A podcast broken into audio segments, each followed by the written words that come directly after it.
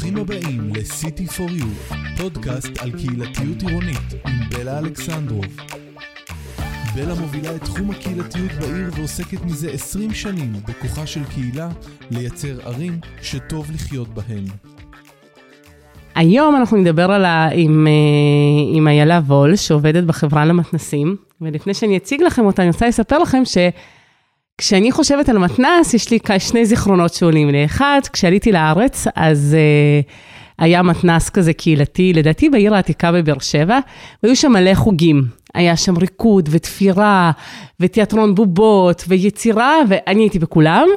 וזה היה ככה חוויה מאוד מאוד קהילתית עבורי, ככה הכרתי את החברים הראשונים שלי, כי עלינו בקיץ, אה, וגם אימא שלי הכירה ככה שם אנשים. והחוויה השנייה, שבעצם כל הקריירה הספורטיבית שלי, כשהייתי ג'ודאית אה, והייתי בפנימייה למכוננים בספורט, אבל הבסיס התחיל באמת באחד המתנסים. תמיד הייתי צוחקת בווינגיט שלפי ענפי ספורט אפשר לדעת מאיזה מעמד באת.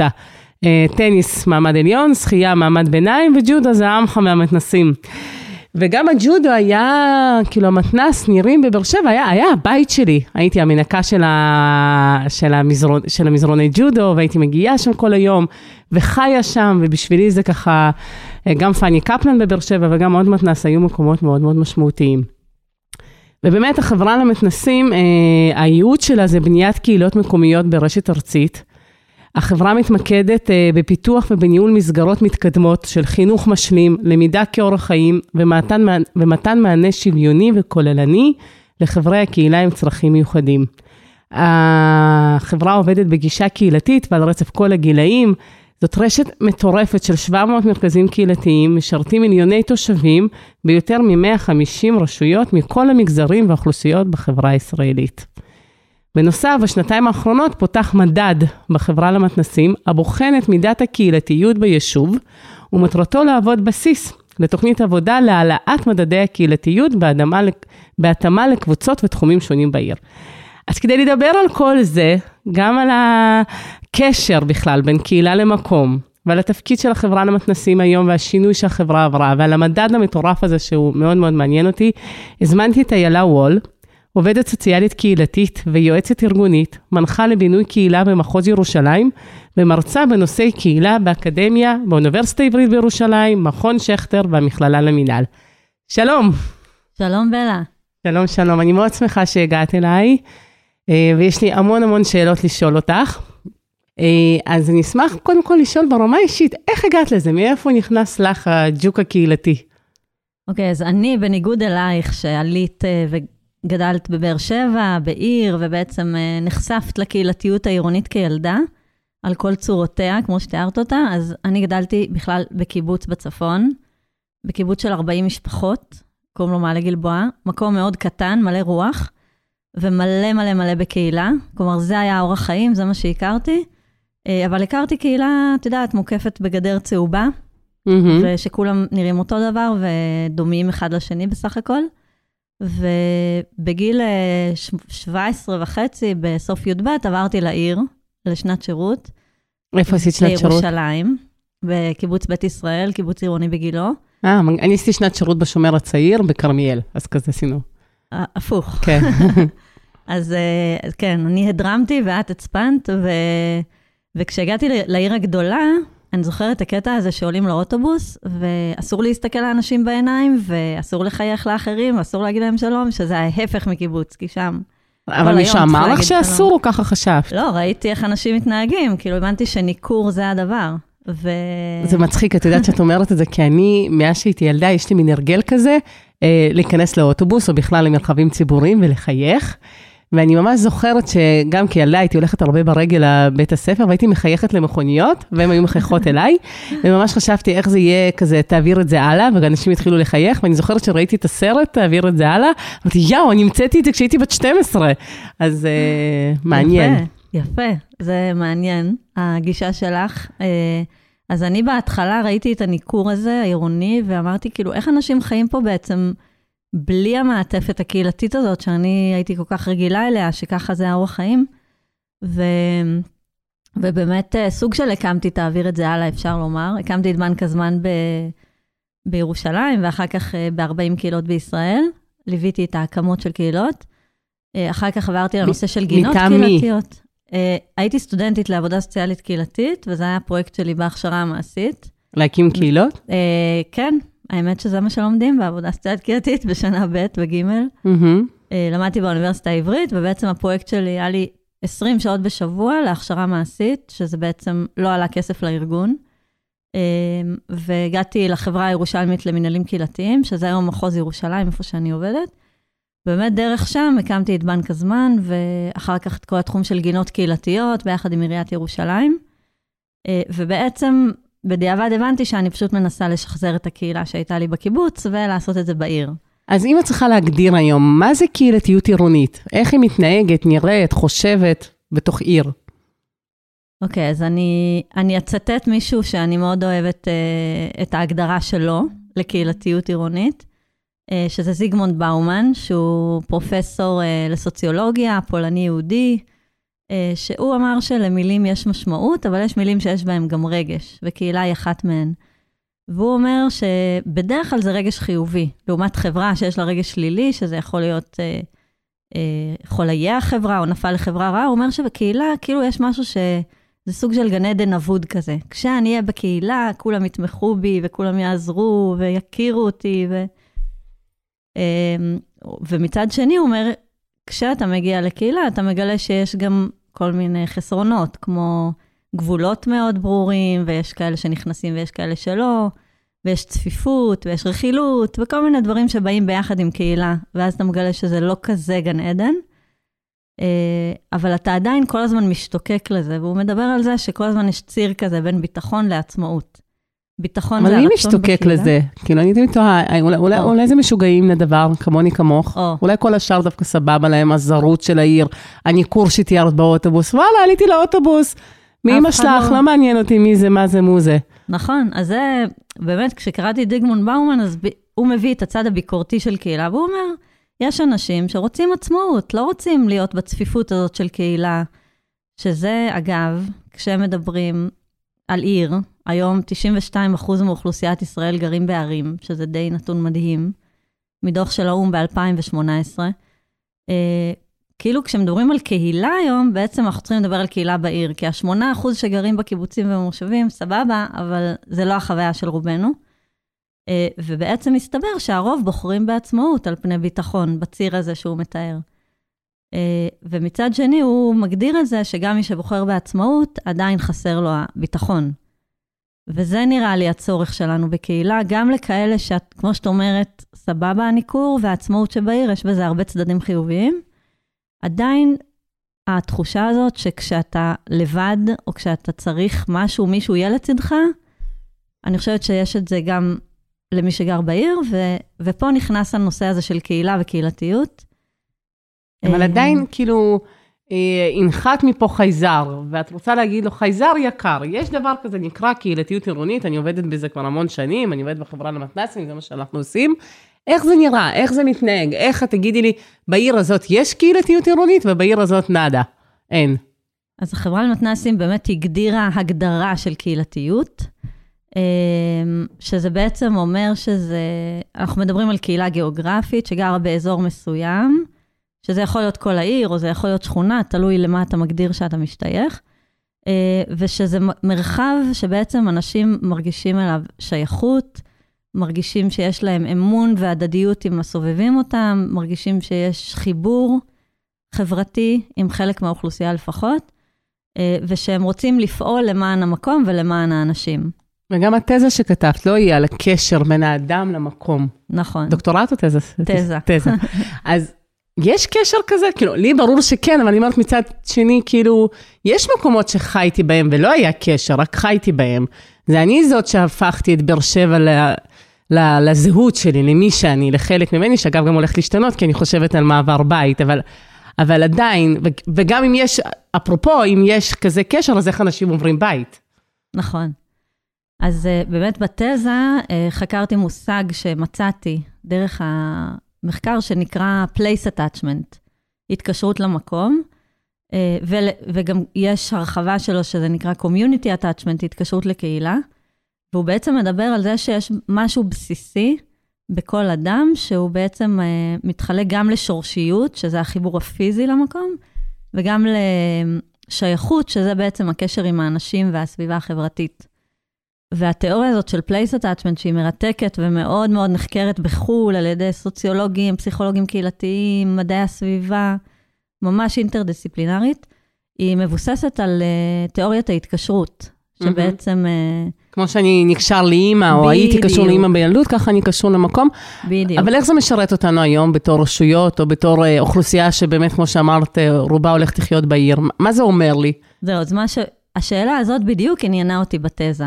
אמרתי, אני חופרת על קהילה כל היום, מעניין אותי לבדוק עם אנשים שגרים בעיר שהם לא פעילים ולא מוכרים לי, וחילונים, לא קשורים לבית כנסת, אה, או לפחות מגדירים את עצמם אה, כאלה שלא הולכים לבית כנסת, מעניין אותי לבדוק מה הם חושבים, על מה חוויית החיים שלהם, והאם קהילה היא חלק ממנה.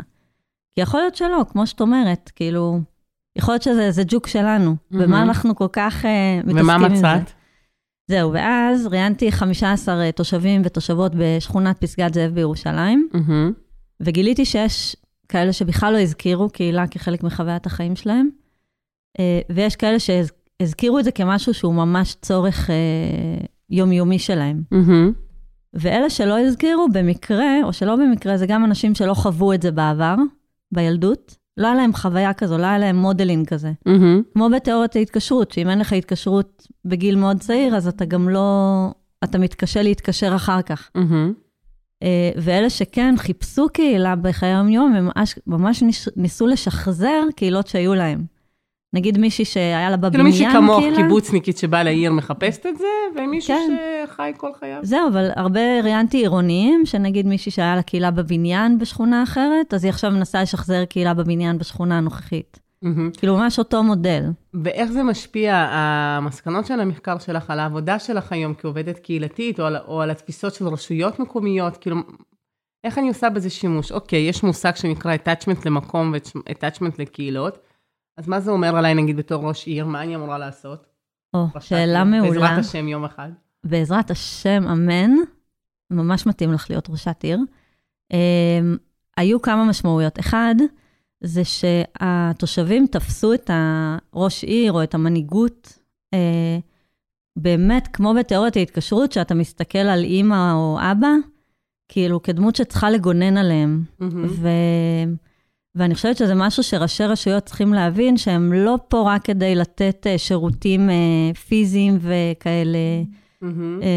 אינסטרומנטליים, כמו שיפור פני העיר, תחבורה, תשתיות, מדרכות, שזה משהו שראשי עיר כאילו באוטומט mm-hmm. שלהם עושים, אלא הם צריכים הרבה להתעסק בעולם החברתי, בקשר עם התושב, באהבה, כאילו בדברים כאלה יותר רכים. נראה לי בקורונה הם ממש... נכון. כאילו, הבינו את זה, הראו את זה, חילקו מזון, דיברו. נכון, נכון. ההסברה של ראשי ערים נמצאה הרבה יותר אפקטיבית מהסברה הלאומית אה, נכון. אה, כלפי התושבים. ממש. ועוד דבר שהוא גם נוגע למצב הביטחוני אה, שהיה פה, בשכונת פסגת זאב שחקרתי, התושבים חשו שהבסיס הבטוח שלהם, שזה גם מושג מתיאוריית ההתקשרות, מתערער בגלל כניסה של חרדים ושל ערבים לתוך השכונה. אה, שזו שכונה שבדרך כלל היא יחסית אה, אה, דתית, חילונית. כלומר, המרקם הפיזי, החברתי בעצם מתערער מבחינתם, והם ציפו מהממסד להגנה. אבל זה, זה קצת מעצבן, לא? בזה. כי אני אומרת, כאילו, תמיד כאורבניסטית ובחורה עירונית, הגאווה שלי היא, שאני תמיד אומרת, אצלנו אין ועדת קבלה. העיר מחליטה מי יהיו השכנים שלי, ווואלה, השכונה זה משהו שמשתנה. פעם גרו פה מרוקאים, אחר כך רוסים, אחר כך קפקזים, וכאילו זה, נכון. זה מה שמדליק אותי בעיר, שדווקא המציאות מייצרת לנו מרקם חיים שאנחנו חייבים להתמודד איתו. נכון, אז באמת, כאלה שראיינתי, היו כאלה כמוך, שאמרו, זה נחמד, המגוון, וזה טוב, וזה גם היו אנשים שבאמת ההתקשרות שלהם אל המקום הייתה מאוד חיובית, והם גם היו מעורבים חברתית, וגם היה להם הרבה קשרים חברתיים. זה היה בערך שליש מהמרואיינים. כאלה שתפסו את השינוי כדבר חיובי, שהם יכולים להתמודד איתו. היו שליש שהיה להם התקשרות אה, נמנעת, שהם אמרו, לא אכפת לנו מה קורה, אנחנו בבית שלנו, זה בסדר. והיו שליש שהם אמרו, מין התקשרות אמביוולנטית כזאת, שזה נורא נורא מפריע לנו וזה מאיים עלינו, ואנחנו לא יודעים איך להתמודד עם זה, ואנחנו כנראה נעזוב.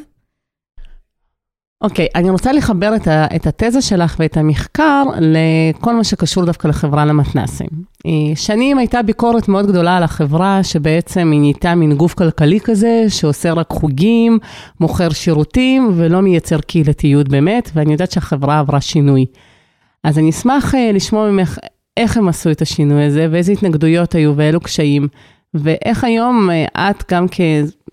כדמות אה, במטה שמובילה את, המתנס, את המתנסים במחוז ירושלים, מה התפקיד שלהם היום אל מול השינויים הגלובליים, אל מול העובדה שהשכונה, יש לה משמעות, אבל היא גם קצת איבדה מהכוח שלה, כי אנשים הרבה יותר ניידים וזזים, ואנשים היום שייכים לקהילות בינלאומיות ולקהילות וירטואליות. בקיצור, מה התפקיד הרלוונטי של הגוף הזה שנקרא מתנ"ס? אוקיי, okay, אז הדבר הראשון שאני חושבת שעשו זה לא לקרוא לזה מתנ"ס, אלא מרכז קהילתי. היה את מנכ"ל החברה, רז פרויליך, שהוא מנכ"ל משרד התרבות והספורט, שהוא ממש, כל פעם שמישהו אמר מתנ"ס הוא תיקן. אבל זה הרבה יותר קל להגיד מתנ"ס, וכולם מכירים מתנ"ס, אבל אנחנו עדיין, uh, בתוך המהות, באמת מנסים שהמנהלים והצוותים יבינו שזה מרכז קהילתי, שזה האסנס שלו.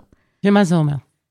אז זה אומר, קודם כל, קצת כמו שאמרתי בתזה, ההבנה שאנחנו לא פה בשביל רק דברים אה, אינסטרומנטליים ככה, כמו חוג או אה, משהו שירותי, אלא בעצם אנחנו לא מתייחסים לתושבים כלקוחות, אלא כשותפים. אה, והאלמנט הקהילתי, החברתי, של שותפות, ולאפשר לאדם להרגיש ממ"ש, שזה ראשי תיבות מאוד אה, משומשים בחברה למתנסים. נראה לי שרה להטמיע אותם, לא נכון, לא ממש, זה כזה, זה ממש, זה מזכיר לי את שרה לאהובתנו, נכון. כן. אז ממש למאזינים שלו, שולטים בחומר, זה משמעותיות, מחויבות ושייכות. שזה אומר שזה בעצם הממדים של קהילתיות ברמת הפרט, זה אומר שכאילו מסתכלים על כל בן אדם ורואים איך באמצעות העשייה של המרכז הקהילתי אפשר לאפשר לו להרגיש משמעותי ובעל ערך בקהילה. אז איך? איך עושים את זה? כאילו, מה יהיה ההבדל אם היום אני אבוא למרכז קהילתי ויראה מה? אוקיי, אז באידיאל, אה, הרעיון הוא שבחוג, אה, הילד לא רק יבוא ויקבל שירות אה, חוג ג'ודו, אלא גם הילדים יחגגו ביחד ימי הולדת. וגם ההורים יהיו מעורבים, ובחדר המתנה יהיה איזשהו קשר שנוצר בין ההורים להסעות משותפות, או ל... אמ, עשייה משותפת. אני, אני עוד בצרכים בסיסיים, כשאני לוקחת את הילדים שלי לחוגים, אני משתגעת למה לא שמים פינת קפה. בדיוק. אני לא צריכה הסעות, אני צריכה פינת קפה, ויאללה פינת קפה, נכון. תאמיני לי, אני כבר אדבר עם האימא שליד, ותמיד מתייחסים לזה כאילו, כאילו אני בכלל לא שם, אני, כאילו אני, אני סתם. נכון. אז ממש ההתייחסות על הפינת קפה, זה ממש תודה ש, שאמרת את זה. באחד הצוותים שעבדתי בו, וממש עבדנו על איך מייצרים במרחב הזה של ההמתנה לחוגים, משהו שמאפשר גם uh, לאימא שתרגיש משמעותית ושיש לה קפה. באמת, כי רואים את הצרכים של האימהות. או וי-פיי, אם אני צריכה לעבוד רגע. נכון, או... נכון. או ג'ימבורי לילד הקטן שממתין איתך. או חוג באותו זמן, שכשהילדים שלי בחוג, זה הכי אידיאלי, אני אף פעם לא מבינה את זה. אני חושבת שמרכז קהילתי שיעשה את זה, שבאותה שעה האימא יכולה לשים את הילד וגם לעשות חוג לעצמה, בדיוק. הרשמות יעלו מיד. בדיוק. אז כאילו לראות את האנשים... אבל זה קורה? יש דוגמאות כאלה? אז יש דוגמאות כאלה, אבל זה באמת... אה, דווקא החלק הקשה של החברה למתנ"סים זה לשנות בתוך החוגים ובתוך הדברים השירותיים. Mm-hmm. אבל עובדים על זה. על זה אנחנו עובדים, אני כמנחה לבינוי קהילה ועוד ארבעה אנשים אחרים במחוזות. אני תמיד אומרת בחוג, אגב, כבר אמרתי את זה בפודקאסט, אז אני מצטערת שאני חוזרת על הדוגמה, שזה מתחיל לפעמים בסבב היכרות. כאילו, אני עושה פילאטיס, אני לא יודעת, אותה בחורה עושה לידי פילאטיס כבר שנתיים, אני לא יודעת איך קוראים לה. נכון. נכון, ממש לייצר קשרים בין המשתתפים זה א'-ב'. אז האם זה קורה, על זה אנחנו עובדים, אבל אני לא יכולה להתחייב שזה קורה בכל המקומות. איזה, איזה עוד ביטויים יהיו לקהילתיות כיום במרכזים הקהילתיים? אז באמת, אה, התייחסות למרחב הציבורי באופן שמזמן מפגש. אם יש לובי, אז שהלובי ייצר את זה. שלטים שיש, נגיד אחד המתנסים שעבדתי בו, כל השלטים היו לא לזרוק את ההשפעה, לא, לא, לא, לא, הכל כזה שלילי. ואז שינינו את השלטים ביחד עם הצוות, כאילו על משהו מזמין, על משהו חיובי, על משהו מגייס. Mm-hmm. כמו למשל, אה, ברוכים הבאים, אתם מוזמנים לשבת בכורסאות ולהרגיש בבית. והנה, יש לכם פה ספרייה חמודה שאתם יכולים לעניין על ספרים. בדיוק. אבל אני אגיד לך, מה המדד שאני בודקת בדרך כלל קהילתיות, תגידי לי איפה זה נמצא. כשאני באה למקומות כאלה, אני שואלת מי מנהל אותם. ואני שואלת איפה התושבים בניהול, בהחלטה, בוועדות. ואני אף פעם לא מבינה למה המרכזים הקהילתיים לא לוקחים מקום של איזשהו מרכז שכונתי במובן הרחב של להיות הגוף שמוביל את הוועד שכונה, את הפורום שכונה, אה, צוות בידור, צוות חינוך. ואני לא מדברת על המנהלים הקהילתיים בירושלים, כי זו דוגמה יוצאת דופן, ותאמיני לי, דיברנו בפודקאסט הזה הרבה על, על, על המנהלים, אבל באמת, כאילו, איפה התושב שותף אה, במשאב המטורף הזה שנקרא המרכז הקהילתי השכונתי? נכון, אז זה באמת, חוץ מהחוגים שתיארנו, אז זה באמת הצד השני של אה, העבודה של החברה למתנ"סים להשתפר. זה באמת להכניס את, השותפ, את התושבים כשותפים בקבלת החלטות. אה, למשל, מדד הקהילתיות שעכשיו עשינו, אז uh, יצרנו פורום של תושבים בכל מרכז קהילתי שבו הייתה את המדידה, ובעצם התושבים הם אלה שהחליטו איפה למדוד, איך למדוד, הם עזרו להפיץ את המדד, כלומר, זה לא נעשה רק על ידי גורמי המקצוע, אלא ביחד איתם. והמטרה היא כן, לפתח כמה שיותר ועדות וצוותי תושבים ושיתוף ציבור. דרך המרכז הקהילתי. אני כן אגיד ואוסיף אה, שלא בכל הרשויות המקומיות זה מתאפשר, כי לפעמים העירייה או העבודה הקהילתית שנמצאת ברווחה, מעדיפה שזה יהיה אצלם ולא במרכז הקהילתי. אז, אז ממש הוצאתי את המילים מהפה, זו השאלה השנייה שבאתי לשאול, כי אה, אני עדה היום לתופעה שבעצם מה שקרה, ש... אה, הבית של העבודה הקהילתית, הבית של המקצוע, ששתינו חולקות, אה, פחות עסקו בעבודה קהילתית אוניברסלית, ובאמת עשו יותר עבודה קהילתית פונקציונלית ולאוכלוסיות מוחלשות, אז הם לא לקחו את הבעלות על אה, שכונות ותשתיות. בו זמנית יש רשויות שקמים אגפי קהילה, בו זמנית יש חברה פנאי מתנסים. זאת אומרת, איזה מודלים של ניהול את מכירה, של ניהול התחום הקהילתי את מכירה בתוך רשויות מקומיות, וגם מה ההמלצות שלך? אני מכירה רשות, אני מן הסתם לא אנקוב בשם, שיש כסח מטורף בין מנהלת אגף קהילה, שהיא תחת הרווחה, בין מנהלת המתנ"ס, והם רבים על משאבים, ואני אומרת, what the fuck, יש כל כך הרבה עשייה, מה, אה, איפה המחלוקת? בואו, כמה שיחות, אני אתן לכם לכל אחד מלא מלא תפקידים, ויש פה להרים עיר שלמה. נכון, זה, מה שאת אומרת זה ממש האתגר בישראל, שתחום הקהילה בעצם נוכס לרווחה הרבה מאוד שנים. Mm-hmm. יש, כמו שאת אומרת, הבנה עכשיו שמאוד חשוב, אז באמת הרשויות מתחילות להתארגן, אבל בעיקר הרשויות החזקות, שיש להן כסף לאגף קהילה נפרד. אה, כמו שאת אומרת, המודלים הטובים זה מודלים שהרווחה והמתנ"ס והרשות משתפים פעולה ביחד. Mm-hmm. אני כן אנקוב בשם של נגיד אה, עיריית מעלה אדומים, שאני מלווה שם תהליך כבר שנתיים של אה, צוות הרווחה, צוות המרכז הקהילתי ומנכ"ל העירייה, שהוא mm-hmm. היה עובד בחברה למתנ"סים לפני כן, שמוליק חנוך, שהוא בעצם אמר, בואו נשתף פעולה, אחד ועוד אחד שווה שלוש. אה, ואנחנו יושבים, וזה לא היה קל. בהתחלה עשינו עבודה רק עם הרווחה, אחר כך עשינו עבודה רק עם המרכז הקהילתי, ואז חיברנו ביניהם, למדנו ביחד את השפות. והיום הם עושים פרויקטים משותפים ומקדמים תוכנית עבודה קהילתית משותפת, וזה באמת אידיאלי. זאת אומרת, את אומרת, לא משנה מה המבנה שיהיה בכל רשות, אבל בכך, כך או כך, צריך לה, לה, להקים צוות אינטרדיסציפלינרי, בטח בין השלושה המובילים של חברה, רווחה, מתנ"ס, נכון. אבל אני אומרת גם עם הגופים הנוספים, כי הרבה פעמים קהילתיות היא נושקת לחינוך ולשפע צעירים. ולצעירים, זאת אומרת, וצריך לעשות פה גם עבודה נכון. אה, בין אגפית.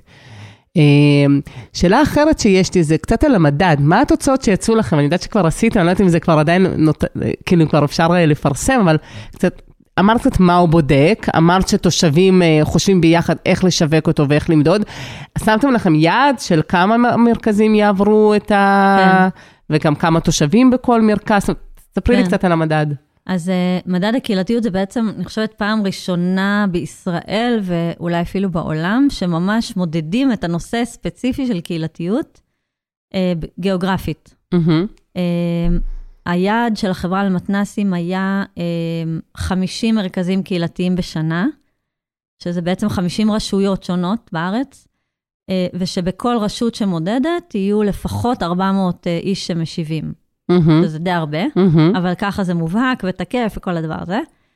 ועמדנו ביעדים כמעט, אני, מדדו השנה ב-2020/קצת 21, מדדו 45 יישובים, mm-hmm. רשויות מקומיות, מרכזים קהילתיים. ובאמת, כולם היו מעל 400, היו גם כאלה שהגיעו ל-1,000, 1,500. אבל המדד בודק רק תחושת קהילתיות של תושבים, או שהוא בודק גם את רמת הקהילתיות שהרשות נותנת? אני רגע אשיק לך מתחום אחר, נגיד בתחום של עסקים קטנים, הסוכנות לעסקים קטנים פיתחה מדד, שנקרא אה, מדד ה... הנגישות של הרשויות לעסקים קטנים, כמה הרשות עושה דברים עבור עסקים קטנים. יענתו, אם אני עסק ואני רוצה לפתוח עסק, אני יכולה להגיד, אה, הרשות הזאת ממש חיובית לעסקים קטנים, אני אלך לגור שם. אז השאלה אם המדד הזה רק מודד את התושבים, או גם את הרשות ואת המענים שלה. או, אז uh, היה על זה דיונים, בסוף הוחלט שזה ימדוד רק את התושבים ולא את הרשות, מסיבה... פוליטית, בדיוק. נו באמת, ואני מצפה ממכם ליותר. אם היינו מודדים את הרשות, הסיכוי שהיינו מצליחים למדוד בחלק מהרשויות אה, הוא היה קטן, בוא נאמר. אז אנחנו קוראות מפה קריאה לגוף אחר, לא החברה למתנסים, שאין לו אינטרס פוליטי, לא, כי אני יכולה להבין את הכפל תפקידים ואת הכפל נאמנויות ואת האתגר, אבל אני באמת חושבת שזה משהו שחייבים למדוד, כי אם אני תושבת שרוצה קהילתיות, אני יודעת ואני עכשיו, הנה, בדיוק, אני חושבת לעזוב את באר שבע, ובא לי הרפתקה חדשה ועיר אחרת, הייתי שמחה שיהיה לי מדד כזה שיגיד לי, תקשיבי, העיר הזאת היא סופר קהילתית. כי אני חושבת שאני יודעת איזה עיר היא קהילתית, אבל עדיין. אז אה, רעיון טוב, באמת, אה, אם זה היה, לא יודעת, הלשכה המרכזית לסטטיסטיקה בודקת בלי אישורי ראש רשות, אז יכול להיות שהיא הייתה יכולה לעשות את זה. אצלנו כל התהליך, כמו שאמרתי, הוא היה קהילתי, כלומר, היה צריך אישור של ראש רשות, היה צריך התגייסות של התושבים, של ההנהלה. ומה התוצאות אה, באלה שמדדת? מה, מה, מה מספר המדד? אוקיי, אז התוצאות, אה, בעצם המדד אה, מדד שישה ממדים שמרכיבים את מדד הקהילתיות. שאני אנסה להגיד את כולם, זה חיבוריות, שזה הנושא של הון חברתי, שייכות, שזה הקשר למקום, מה שדיברנו גם מהתזה שלי. חיבוריות זה כאילו כמה אנשים אני מכיר כאדם כן, בשכונה? כן, מה ההון החברתי שלי? בדיוק, מה הרשתות החברתיות שלך, כמה אנשים את מכירה. נגיד, עד עשר זה בינוני, מעל עשר זה טוב, כזה? כן, פחות כמותי, אלא יותר בהרגשה ובתכלס, okay. האם, האם הלכת לאירוע של שכן, האם עזרת לשכן, דברים כאלה. האם את מדברת עם השכנים? שאלות okay, אוקיי, כאלה, גם על התפיסות, גם על ההתנהגויות. שייכות. כן, אז חיבוריות, שייכות. אה, אמון והדדיות, שזה mm. בודק אה, עזרה הדדית, האם כשאני אהיה במצוקה מישהו יעזור לי, mm-hmm. אפילו מישהו שאני לא מכיר מהקהילה. מעניין, ועשיתם את המדד בתקופת קורונה, נכון. אז היה, היה ממש אפשר לדעת אם נכון. אנשים, כאילו, נכון. באיזשהו מובן הקורונה הייתה לטובתכם. נכון, גם לאנשים היה הרבה זמן לענות, שזה היה טוב, היו סגורים בבית.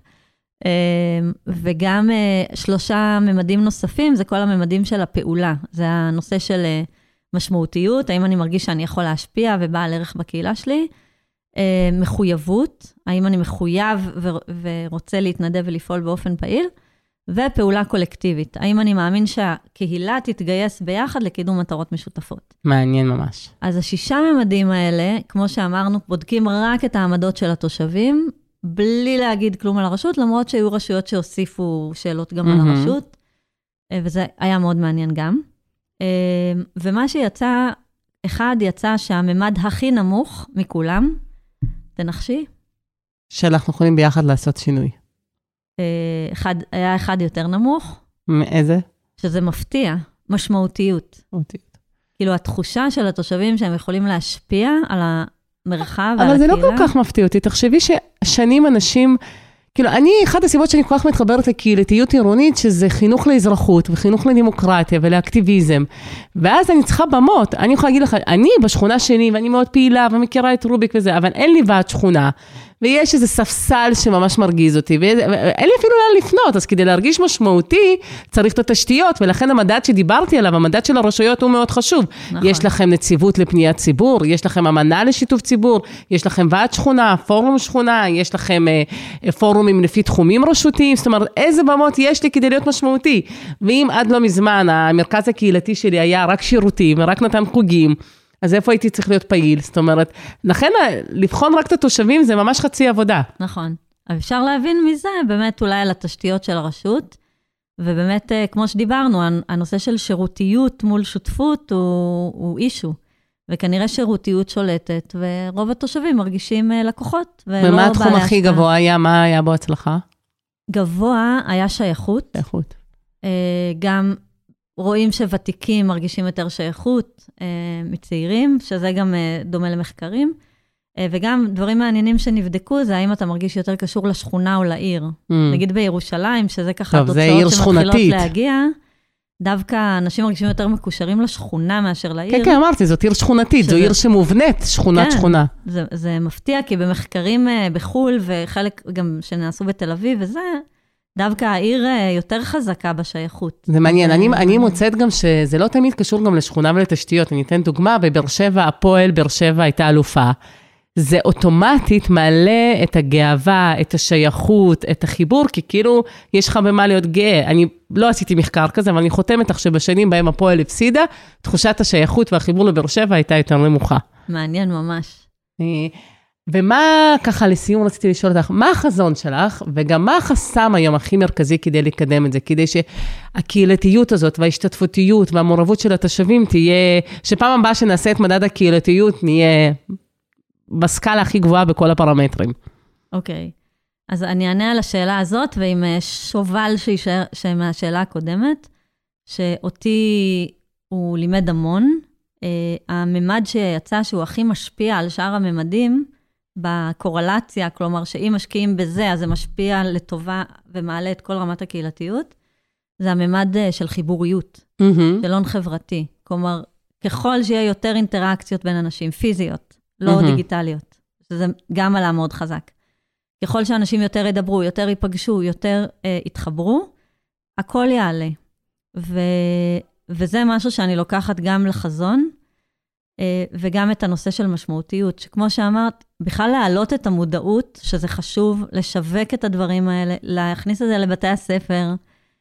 הבת שלי בקורונה הייתה בגינה קהילתית, והם למדו שם על קהילה. ממש לימדו אותה מה זה קהילה. מהמם. אמרתי, וואי, זה חזון אחרית הימים מבחינתי, שלוקחים כיתות בבית ספר ומלמדים אותם מה זה קהילה בגינה קהילתית. יש תיכון בתל אביב וואו. שיש להם מגמת תכנון עירוני, וחלק מהמגמה הם לומדים גם מה זה קהילה, ומה זה תכנון, ומה זה אורבניות, ומה זה צפיפות. אה, מדהים, אז אולי זה הפרויקט הבא שלנו. לגמרי. אבל רציתי לשאול אותך, המרכזים הקהילתיים, דווקא בגלל שזרקת על העניין הדיגיטלי, הם יודעים היום להשתמש בכלי הדיגיטלי, להקים קבוצות וואטסאפ, להקים קבוצת פייסבוק, להשתמש באונליין כשירותים או כמענה או דרך תקשורת משלימה לאופליין. כן, אז בחברה החרדית, עובד, הערבית, המנהלים הקהילתיים בירושלים, שאני מכירה, עובדים מאוד מאוד מאוד חזק בפייסבוק. אה, החרדים עובדים דרך מענה טלפוני וכאלה, כי אין להם את העניין הדיגיטלי, עדיין. אה, ובאמת המנהלים החילונים והדתיים עובדים המון המון עם קבוצות וואטסאפ. זה, זה בעצם רוב התקשורת היום עם התושבים, ויש לזה יתרונות, אבל אה, גילינו דרך המחקר שבאמת זה לא באמת אה, מייצר קשר. כלומר, זה בעיקר ערוץ להעברת מידע. אני, א', אני ממש מסכימה איתך, הרבה פעמים כשאני עושה ייעוץ או בינוי קהילה, אני, אני ממש מרגישה שאני כזה מחזירה את האולד פשן, חייבים. להיפגש, חייבים להיפגש, אבל אני חושבת שמה שקרה פשוט בארץ, שקהילות הפייסבוק התפתחו באופן עצמאי, הקהילות המקומיות, הלוקאליות התפתחו, ואלו לא יודעים את הכלים של אלו, זאת אומרת, כל הקהילות הדיגיטליות, כשאני באה לייעץ להם, אני אומרת להם, חברים, בואו גם ניפגש. כל הקהילות הלוקאליות, המקומיות, שעל מפגש, אומרת, חברים, יש עוד פלטפורמות דיגיטליות, וחסרה פה ככה החלפה. נכון. והשאלה האחרונה שאני אשמח לשאול אותך, תראו, אנחנו אחרי תקופה מאוד קשה, שמעבר לזה שהיה עוד מבצע, ובעיניי זה לא מבצע, אלא מלחמה, אבל לא משנה, אה, מה שלי הכי כאב ובכיתי ממנו ממש, זה המשבר בתוך ישראל בין הקהילות ובין האוכלוסיות ובין מה שקרה לערבים ויהודים, והיכולת שלנו להכיל בתוך רשות מקומית את השוני. ובגלל שאתם עובדים בכל כך הרבה רשויות, ועם, באמת, אני לא מכירה עוד ארגון, אולי עוד כמה, לא יודעת, שגרירי רוטשילד ועוד כמה בודדים שעובדים באמת עם כל הקשת. האם אתם לא חושבים שהיום אחת המטרות שכדאי להוסיף לפעולה שלכם זה דווקא המפגש בין הקהילות והחיבוריות ביניהן, ולא רק כל קהילה בתוך הקהילה של עצמה? אה, לגמרי. בדיוק אה, הייתי עכשיו במפגש בחברה למתנ"סים ועל זה דיברנו, על מה התפקיד שלנו ואיך עושים את זה, וזה האתגר של החברה הישראלית לגמרי. אה, אז אנחנו עכשיו מנסים לפצח את זה. ראינו גם שהרשויות המקומיות הן אלה שבסוף, ברמלה, ראש העיר הצליח להרגיע את העניינים, בלוד. גם בנתניה, גם בנתניה, גם ראשת בנתניה. העיר יצאה, פשוט הרגיעה, בשיטות שצריך ללמוד ממנה איך עושים את זה. נכון, בדיוק. אז יש להם המון המון המון כוח, וצריך לראות באמת איך, אה, איך, מחז... איך מחזקים את ההבנה אה, של אה, ראשי ערים ושל אנשי מקצוע בערים, שהם צריכים להתחיל להתעסק עם זה. אה, אמרת מקודם שאת בבאר שבע דווקא אוהבת את זה שזה כזה מין, אה, זה פשוט קורה בערים, מהמם. ועד היום זה פשוט קרה. מהמם. לא היה לזה יד מכוונת ולא כל כך התערבו בתהליכים חברתיים דמוגרפיים, אה, והגיע הזמן להתערב, ואני חושבת שאנשי המקצוע צריכים כמה שיותר אה, להתגייס לזה. אה, בסדר גמור. אז איילה, א', המון המון תודה, והמון בהצלחה בתפקידים שאת עושה. הלוואי ותצליחי לשנות את כל המרכזים הקהילתיים להרבה יותר קהילתיים, ולהשפיע על הרשויות ועל המבנים והתשתיות הקהילתיות שהרשויות מייצרות כדי שקהילתיות תקרה.